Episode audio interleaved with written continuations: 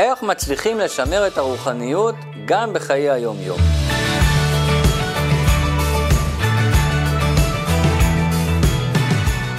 בחודש החגים כולנו הרגשנו התעלות רוחנית מאוד גבוהה. התפילות המרגשות של ראש השנה ויום כיפור, השמחה הגדולה בסוכות ובחול המועד, וכמובן השיא של השמחה בשמחת תורה. אבל מה קורה ברגע שאחרי? לשמוח בסוכות כשיושבים בסוכה שבוע שלם זה לא חוכמה. מה קורה כשחוזרים לשגרה? הפתרון לזה נמצא בפסוק הראשון בתורה. בראשית ברא אלוקים את השמיים ואת הארץ.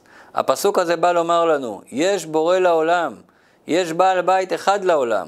אותו אחד שנמצא איתנו בסוכה, נמצא איתנו גם כשחוזרים לשגרה. הכל בראש שלנו, הכל בהסתכלות שלנו. ברגע שאנחנו חיים בהכרה שהקדוש ברוך הוא איתנו בכל מקום ובכל מצב, אז אפשר לגלות אותו ולחיות איתו גם בשגרה. זה מה שאומר דוד המלך בתהילים, אם אשק שמיים, כשאני בהתעלות, שם אתה, אתה נמצא איתי. ואציע שאול, שאני על הקרשים, הנקה, גם אז אתה איתי. עכשיו השאלה היא, איך באמת נזכור את זה כל הזמן? וכאן נכנס סדר היום היהודי לתמונה. הסדר יום שלנו בנוי בצורה כזו, שכל הזמן יש לנו מסגרת שמזכירה לנו את האמת.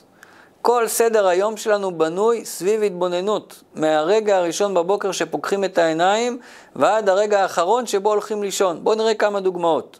היום שלנו מתחיל במודה אני. איך שפוקחים את העיניים, דבר ראשון אומרים, מודה אני לפניך מלך חי וקיים, שהחזרת בי נשמתי בחמלה רבה אמונתך. שימו לב, למילה מודה יש שני פירושים. יש מודה מלשון תודה, תודה על זה שהתעוררתי בבוקר, ברוך השם. ויש מודה מלשון הודאה על האמת. אני מודה על האמת שהנשמה שלי חזרה אליי בזכות הבורא, מלך חי וקיים.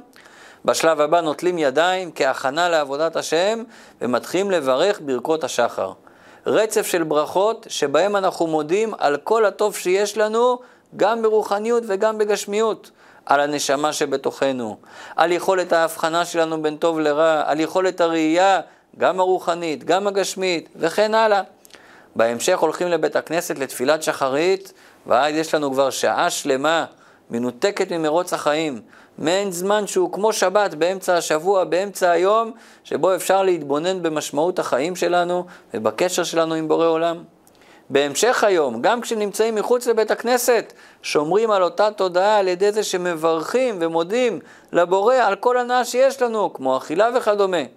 היהדות מלמדת אותנו למצוא את הבורא בכל מקום, לראות את ההשגחה פרטית בכל דבר, לחיות במודעות אלוקית כל הזמן. אבל כדי להגיע לדרגה הזאת, צריך להתאמן על זה. וככל שמתאמנים יותר, מצליחים יותר, כמו בכל תחום בחיים. כמה שמתאמנים יותר, מצליחים יותר. זכור לי יהודי שבתחילת הדרך שלו ביהדות, סיפר לי שכשהוא היה נער צעיר, הוא מאוד רצה ללמוד לנגן בגיטרה. הוא הלך לשיעור אצל מורה מומחה מהגדולים בתחום, וכבר בשיעור הראשון אמר לאותו מורה, אם אתה באמת רוצה לדעת לנגן בגיטרה, אתה צריך להתמסר לזה.